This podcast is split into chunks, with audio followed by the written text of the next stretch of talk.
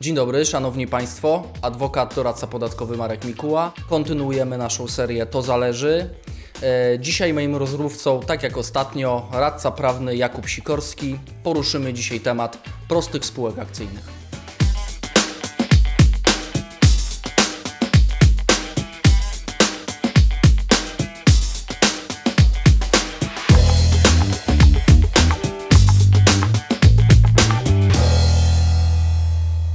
Mamy dzisiaj na tapecie proste spółki akcyjne. Analiza samej nazwy tej spółki. Nasuwa się tutaj jedno zasadnicze pytanie. Jakub, czy prosta spółka akcyjna jest prosta? No nie spodziewałeś się tej odpowiedzi, to zależy. E, Myślę, że prosta spółka akcyjna na pewno jest prostsza niż tradycyjna spółka akcyjna, ale czy jest prosta? Tutaj zdania są podzielone. Ale może zaczęlibyśmy od jakieś charakterystyki tej prostej spółki akcyjnej. Zauważyłem, że ją przede wszystkim wyróżnia to, że jest teoretycznie mniej sformalizowana niż klasyczna spółka akcyjna, ale to odformalizowanie w czym się tak zasadniczo Twoim zdaniem przejawia? Musimy zacząć od tego, czy możemy nazwać coś prostym, coś, co jest uregulowane za pomocą bodajże 134 przepisów w kodeksie spółek handlowych. Na pewno e, niektóre elementy zostały uproszczone, bo tak e, biorąc doświadczenia, przedsiębiorcy, gdy mają założyć spółkę, tradycyjną spółkę akcyjną, zawsze mają jakby parę problemów. Pierwszy problem to jest właśnie e, wszystkie formalności. Muszą iść do notariusza po prostu. Tak, umowa spółki akcyjnej e, każdorazowo musi zostać zawarta u notariusza w formie aktu notarialnego. Każde zgromadzenie akcjonariuszy musi być protokołowane przez notariusza, także nawet gdy potrzebna jest jakaś prosta uchwała czy mało znacząca Chcemy dodać jedno PKD.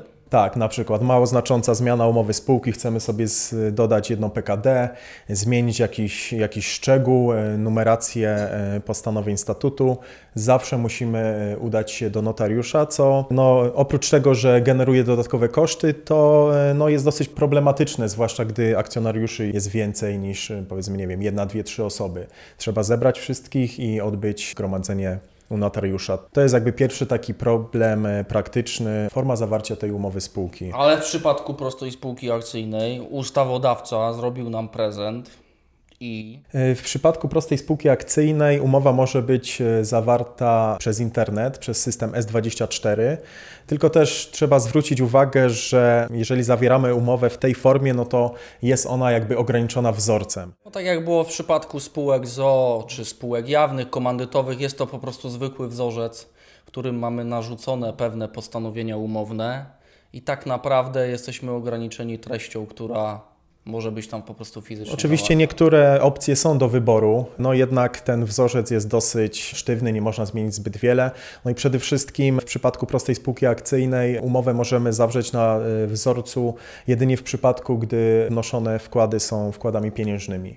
Jeżeli chcemy, dokładnie. chcemy wnieść jakiś wkład niepieniężny, czy na przykład świadczenie pracy, no to niestety wymagana jest już forma tradycyjna. No właśnie, i tutaj mi się przypomina taka jedna ważna uwaga przy tej prostej spółke, spółce akcyjnej. Tam pojawiły się silny akcent na te wkłady niepieniężne, które mają być wykorzystywane w toku działalności prostej spółki akcyjnej.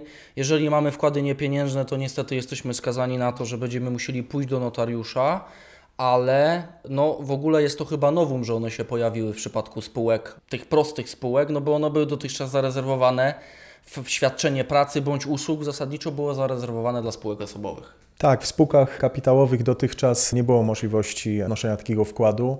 Jedynie w spółkach osobowych. Teraz pojawiła się taka możliwość w prostej spółce akcyjnej. No i myślę, że to jest taki ukłon właśnie dla startupów, gdzie mamy jakby dwa rodzaje akcjonariuszy. Ci pomysłodawcy, ludzie zazwyczaj młodzi, którzy mają jakiś pomysł, jakąś ideę, ale niestety nie mają środków finansowych i druga strona, czyli inwestor.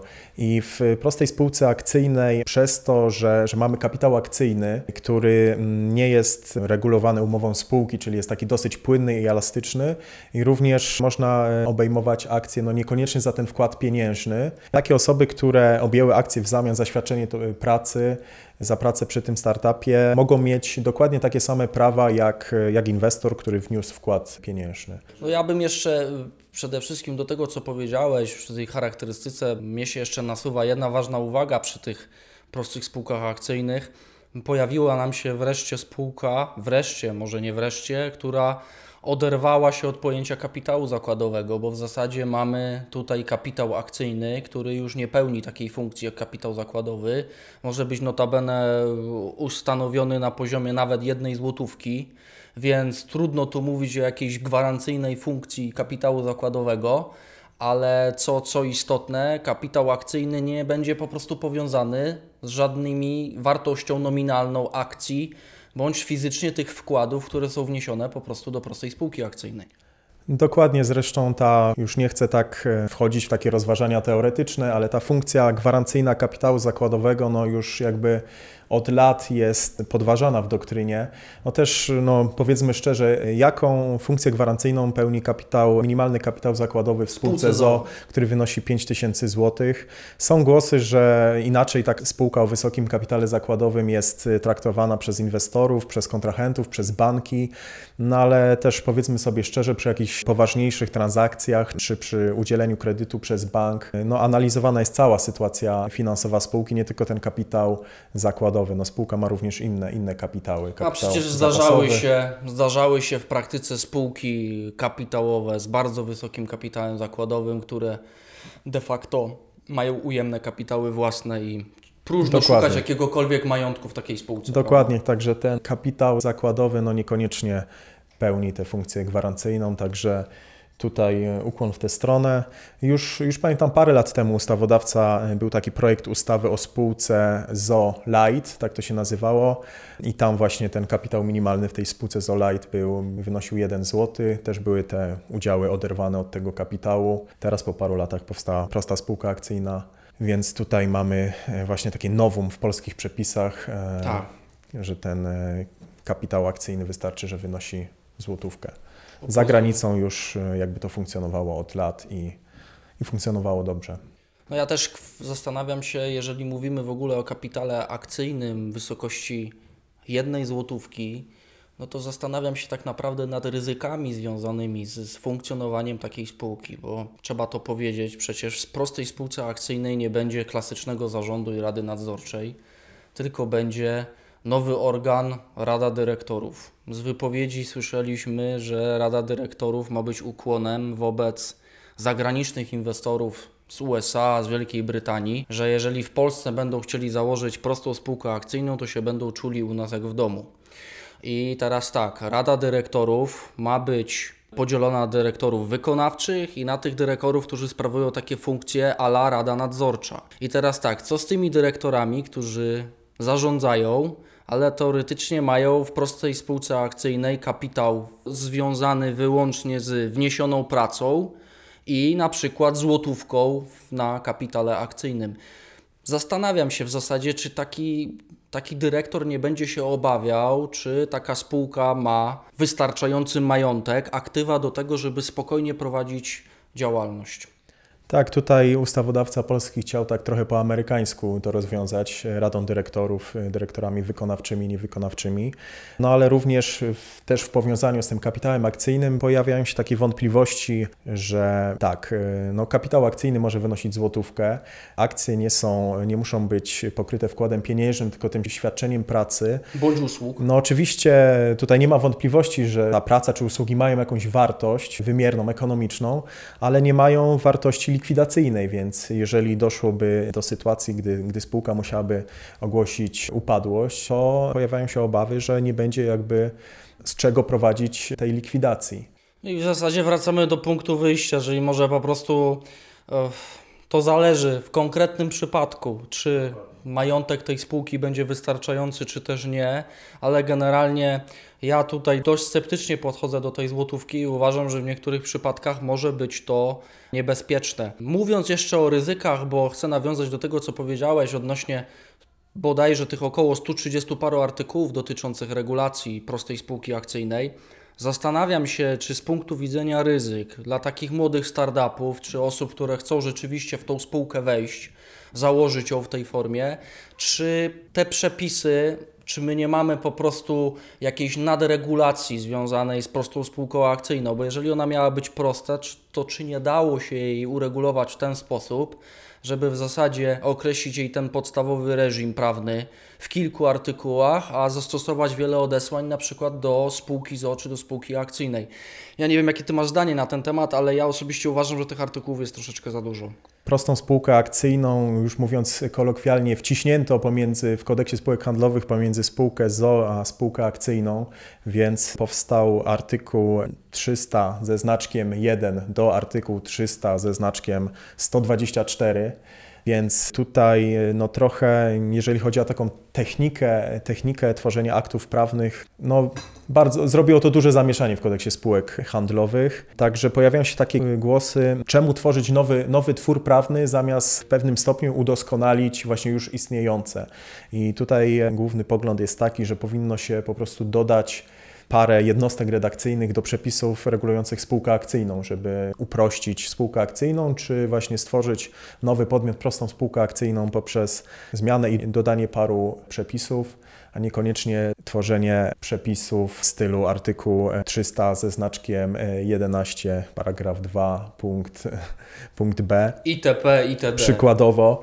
Tak, także jest to, jest to takie zamieszanie legislacyjne. Bo na pewno zdaniem. możemy nie próżno, niedaleko szukać w ogóle w przypadku przecież spółki ZO. Mamy w ustroju spółek z ograniczoną odpowiedzialnością, mamy kilka artykułów poświęconych spółce, która jest przecież doktrynie nazywana spółką atypową, czyli spółka ZO założona w formie elektronicznej. Ona jest przecież w pełni w miarę systematycznie uregulowana w kodeksie spółek handlowych. Nie trzeba było robić odrębnych powiedzmy rozdziałów czy podrozdziałów do kodeksu spółek handlowych je jakby odrębnie regulować, tak? Więc tutaj uważam, że można było też pójść w tym kierunku. Nie mielibyśmy takiego wrażenia, takiej nadregulacji, moim zdaniem. Tak, również no, przykładowo spółki w organizacji są również, spółka ZO w organizacji jest uregulowana w przepisach dotyczących e, spółki ZO, spółka akcyjna w, e, tak samo. Dokładnie. Więc e, no, jeśli chodzi o technikę prawodawczą, mogłoby być to zrobione lepiej, ale myślę, że rozchodzi się nie tylko o taką abstrakcję, że coś, coś mogło być zrobione lepiej, czy te numerki mogłyby lepiej wyglądać w kodeksie, ale również jeżeli chodzi o przedsiębiorców i poruszanie się w tych przepisach, zdecydowanie byłoby to łatwiejsze. Nie tylko takim aspekcie teoretycznym, ale również w praktyce. Jeszcze jedno, jeszcze jedno ryzyko gdzieś tam się mi pojawia w głowie. Jak uważasz, czy Rada Dyrektorów to się przyjmie w praktyce dla tych startupów, czy to będzie rzeczywiście jakiś e, organ dla tych spółek, który będzie po prostu nie do przejścia? No nie wiem, jakie ty masz zdania na ten temat. Znaczy na pewno ten dualizm organów w tradycyjnej e, spółce akcyjnej no czasami był problematyczny. No już e, zaczynając od tego, że trzeba było znaleźć parę osób, ponieważ no zarząd może być jednoosobowy, ale rada nadzorcza to minimum trzy osoby. Tak. Więc tutaj już, gdy jest, nie wiem, jakichś dwóch pomysłodawców tego, tego biznesu, no to muszą szukać dodatkowych ludzi w tradycyjnej spółce akcyjnej. Zaczyna się zawsze od rodziny. Tak, od, od rodziny, od prawników, od, od różnych osób, bo mm, i, i, czasami, no, nie ukrywajmy, lądują w radach nadzorczych osoby przypadkowe, niezwiązane w ogóle z, z tym biznesem albo z biznesem w ogóle. I tutaj zawsze jest problem, bo jak, jak dobrze wiemy, czasami wymagane są czynności Rady Nadzorczej, na przykład przy umowie z członkiem zarządu spółkę reprezentuje albo pełnomocnik powołany przez akcjonariuszy, czyli trzeba iść do notariusza, albo e, rada nadzorcza i trzeba zbierać tych ludzi czasami właśnie e, przypadkowych, żeby się zebrali i, i reprezentowali spółkę w czynności z zarządem. Także tutaj była kolejna, kolejna taka formalność, która nastręczała trudności w, w tradycyjnej spółce akcyjnej. No w prostej spółce akcyjnej będzie to łatwiejsze, no ale tak jak wspomniałeś, y, mogą być wątpliwości co do tych dyrektorów wykonawczych, niewykonawczych, co do zakresu obowiązków, co do odpowiedzialności tych osób. Myślę, że praktyka to pokaże, w jaki sposób będzie to, to wyglądać. Widzę tu też następne ryzyko, bo każde, każde ułatwienie moim zdaniem łączy się z ryzykiem. Tutaj ustawodawca znacznie ułatwił obrót akcjami, bo akcje mogą być zbyte w formie dokumentowej czyli e, nie trzeba kolejny raz udać się do notariusza, tak jak w przypadku zbycia udziału w spółce ZOO, gdzie musi być forma z podpisami notarialnie poświadczonymi. Tak. Wystarczy forma dokumentowa, czyli, czyli nawet nie forma pisemna, wystarczy mail, SMS, wiadomość na WhatsAppie i to jest na, pew na pewno duże, duże ułatwienie dla obrotu tymi akcjami, ale również, również ryzyko, no bo nie ma tej kontroli formalnej, wiadomo, SMS-a, wiadomość na WhatsAppie, na, na Messengerze łatwo wysłać. Oczywiście. Również są trudności, będą na pewno trudności w przypadku sporu, trudności dowodowe z tym. No wiadomo, że, że taka wiadomość jest gdzieś tam ulotna, łatwo usunąć, łatwo zmodyfikować. Także tutaj jest kolejne ryzyko związane z tym. Ale mamy z jednej strony, z jednej strony mamy tak, uproszczenie, a z drugiej strony zastanawiam się, bo chyba w związku z tym, że będzie obrót tymi akcjami, to z tego, co udało mi się już na ten moment zapoznać z treścią ustawy, to w zasadzie i tak będzie obowiązkowy rejestr tych akcjonariuszy. Tak, tak, tak Więc oczywiście. Zakładam, że pewna grupa zawodowa się ucieszyła, bo pojawiły się chyba dla notariuszy nowe, nowe obowiązki, tak? Parę miesięcy temu wszedł w życie rejestr akcjonariuszy, czyli, czyli powszechna dematerializacja akcji, więc każda spółka akcyjna, również ta prosta spółka akcyjna musi zawrzeć umowę z podmiotem prowadzącym ten rejestr, czyli powiedzmy zazwyczaj z bankiem. Wiąże się to oczywiście z kosztami. No nie wiem, jak banki będą, y, czy, czy te instytucje, mówiąc ogólniej, będą podchodzić do, do zbycia akcji w formie dokumentowej, bo trzeba zgłosić y, te zmiany akcjonariusza. No i jak ktoś przyjdzie do banku z telefonem i z wiadomością na WhatsAppie, że ktoś mi sprzedał akcję tej spółki, no, no właśnie. Praktyka pokaże. No Przepisy weszły w życie parę dni temu, także jeszcze nie ma tej praktyki. Ciekawe, co na to te instytucje. No również, tak jak powiedziałeś, notariusze ucieszyli się, bo tak jak wspomnieliśmy, prosta spółka akcyjna może być założona przez internet ale w dosyć ograniczonym zakresie. Jeżeli tak. chcemy, nie chcemy nosić tych wkładów pieniężnych, niestety forma aktu notarialnego, więc notariusze będą mieli trochę dodatkowej pracy. Czyli mają tak, teraz znowu w pewnym zakresie umowy notarialne, rejestr akcjonariuszy. Ostatnio była taka obawa, że trochę pracy im zostanie zabrane w związku z na przykład dodawaniem tych spółek elektronicznych, no bo trzeba przyznać, że przecież sporo spółek zostało założonych w tej formie elektronicznej, ale co w praktyce i tak się potem okazywało, że pewne zmiany, które, którym zależy udziałowcom czy wspólnikom i tak trzeba przeprowadzić z asystą notariusza. No nie ukrywajmy, większość spółek, które założyliśmy w elektronicznie, a, a, trochę ich było, zazwyczaj intencją klienta było to, że potrzebował na szybko jakiegoś podmiotu, żeby sobie już wystartować jakby z działalnością, zarejestrować spółkę do VAT-u, uzyskać NIP, założyć rachunek bankowy. No a gdy dochodziło już do jakiejś, do rozpoczęcia działalności, czy do zwiększenia skali tej działalności, ta e, umowa w formie elektronicznej była niewystarczająca e, przez to, że mamy e, mamy sztywne ramy. No i klient musiał i tak za jakiś czas udać się do notariusza, by zmienić tę umowę, dodać takie postanowienia, które nie są możliwe przez internet, a które są potrzebne, więc y, myślę, że notariusze dużo nie stracili przez, przez to, że wprowadzono ten system S24 i można założyć spółkę elektronicznie. Także tutaj notariusze na pewno, na pewno również cieszą się z wprowadzenia no, nowego, nowej formy prawnej. Zapewne. Zastanawiam się jeszcze nad jedną kwestią, bo tak, jeżeli przyjdzie dzisiaj do nas klient i zapyta, czy warto założyć prosto spółkę akcyjną, to powiem Ci, że ja w zasadzie będę, mm, ja będę bardziej chyba sceptyczny ponieważ uważam, że ta spółka, e, no bo tak, no bo można mieć na ten temat, jak właśnie, jak żeśmy powiedzieli, tak, to po prostu zależy, czy będziemy mieć e, pogląd pozytywny czy negatywny. Ja po analizie przepisów i, i, i jakby celu tej regulacji uważam, że prosta spółka akcyjna nie spotka się z wielkim zainteresowaniem wśród inwestorów, wśród startupów.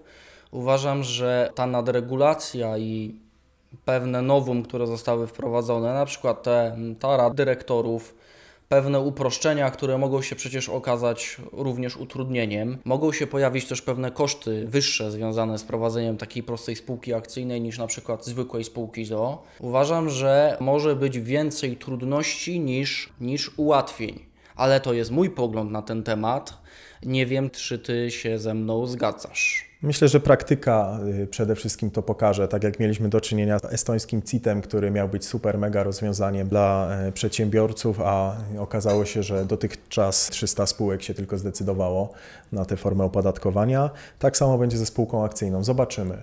No jak klient przyjdzie i będzie chciał założyć spółkę kapitałową, ale no nie wiem, powie na przykład, że nie ma 100 tysięcy złotych, żeby pokryć kapitał w tradycyjnym... To myślę, że można spokojnie doradzić takie rozwiązanie. Tak, także zwykła spółka akcyjna 100 tysięcy złotych trzeba zablokować na minimalny kapitał.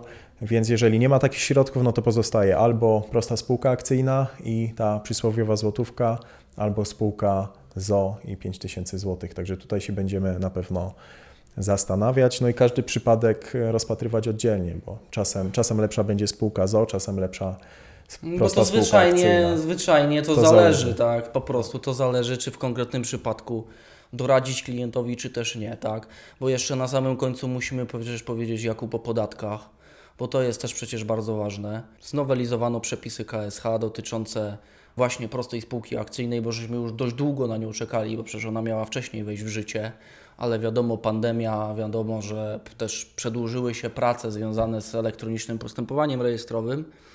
Analizowałem wypowiedzi i jakby samą treść ustaw podatkowych i zauważyłem, że no, ustawy podatkowe też mają na ten moment pewien mankament związany z tym, że mamy tak naprawdę niedoprecyzowaną kwestię związaną z wypłatami z tej prostej spółki akcyjnej, tak? Bo o ile nie budziło nigdy naszych wątpliwości to, że dywidenda ze spółki kapitałowej to jest zryczałtowane 19%, tutaj nam się pojawia znowu jeszcze pojęcie wypłaty z kapitału akcyjnego, tak? Coś, co jest zupełnie odrębne od dywidendy. Czyli idąc dalej, ewidentnie można stwierdzić, że taka prosta spółka akcyjna będzie mogła wypłacać pieniądze nawet nie wypracowując zysku, bo będzie mo mogła przetransferować pieniądze do tych swoich akcjonariuszy, mimo tego, że zysku nie wykaże. I tutaj widzę kwestię taką, że no, podatki muszą się jeszcze w tym zakresie mocno dostosować, bo, bo widzę pewne, pewne niedociągnięcia zarówno w ustawie o PIT, jak i ustawie o CIT. Tak, tutaj w tych tradycyjnych spółkach sprawa jest trochę bardziej skomplikowana.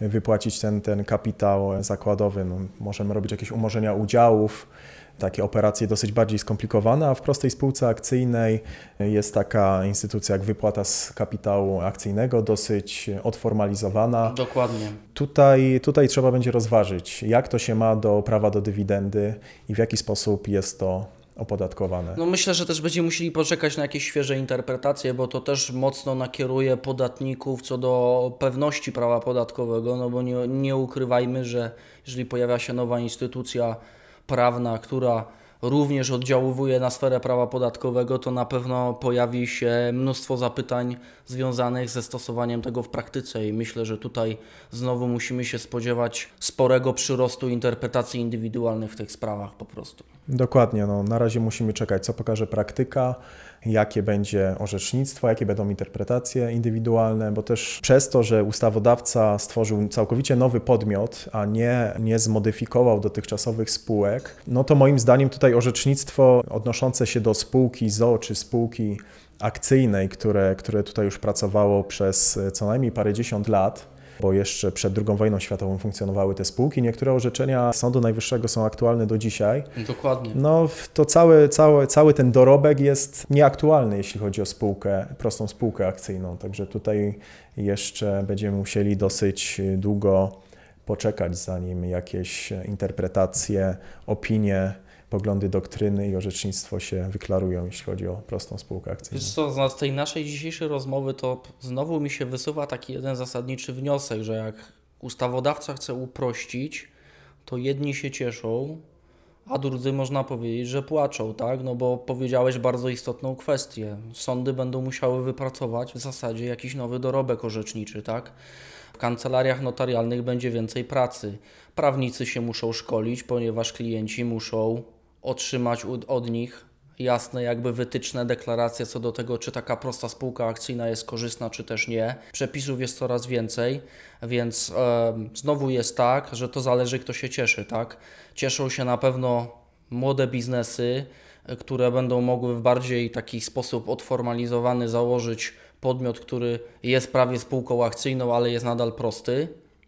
No ale znowu na systemie wymiaru sprawiedliwości i stosowania prawa e, no teraz taka duża odpowiedzialność, tak? zarówno we wdrożeniu tego, jak i potem prawidłowej interpretacji przepisów. Tak, na pewno będzie dużo korzyści, ale też dużo pracy. No i te poglądy są, są podzielone. Czytałem, że profesor Szumański, który z tego co wiem był współautorem KSH, wypowiadał się krytycznie że jest to przerost formy nad treścią i właśnie krytykował dodanie tych nowych przepisów zamiast doregulowanie istniejących rozwiązań. A profesor Kidyba powiedział, że ta spółka rozbije bank, więc w tych takich największych autorytetach, jeżeli chodzi o, o spółki handlowe. Jest rozdźwięk, jest rozdźwięk, tak. tak. I właśnie myślę, że taki też będzie rozdźwięk, jeśli chodzi o, o praktykę stosowania tych przepisów i wybór po prostu tej, tej formy prowadzenia działalności przez klientów.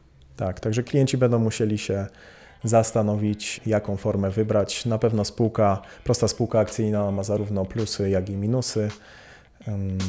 Czyli Jakub, jak do nas klient przyjdzie i się zapyta, czy założyć prostą spółkę akcyjną, no to co mu powiemy? Tak jak zwykle, to zależy.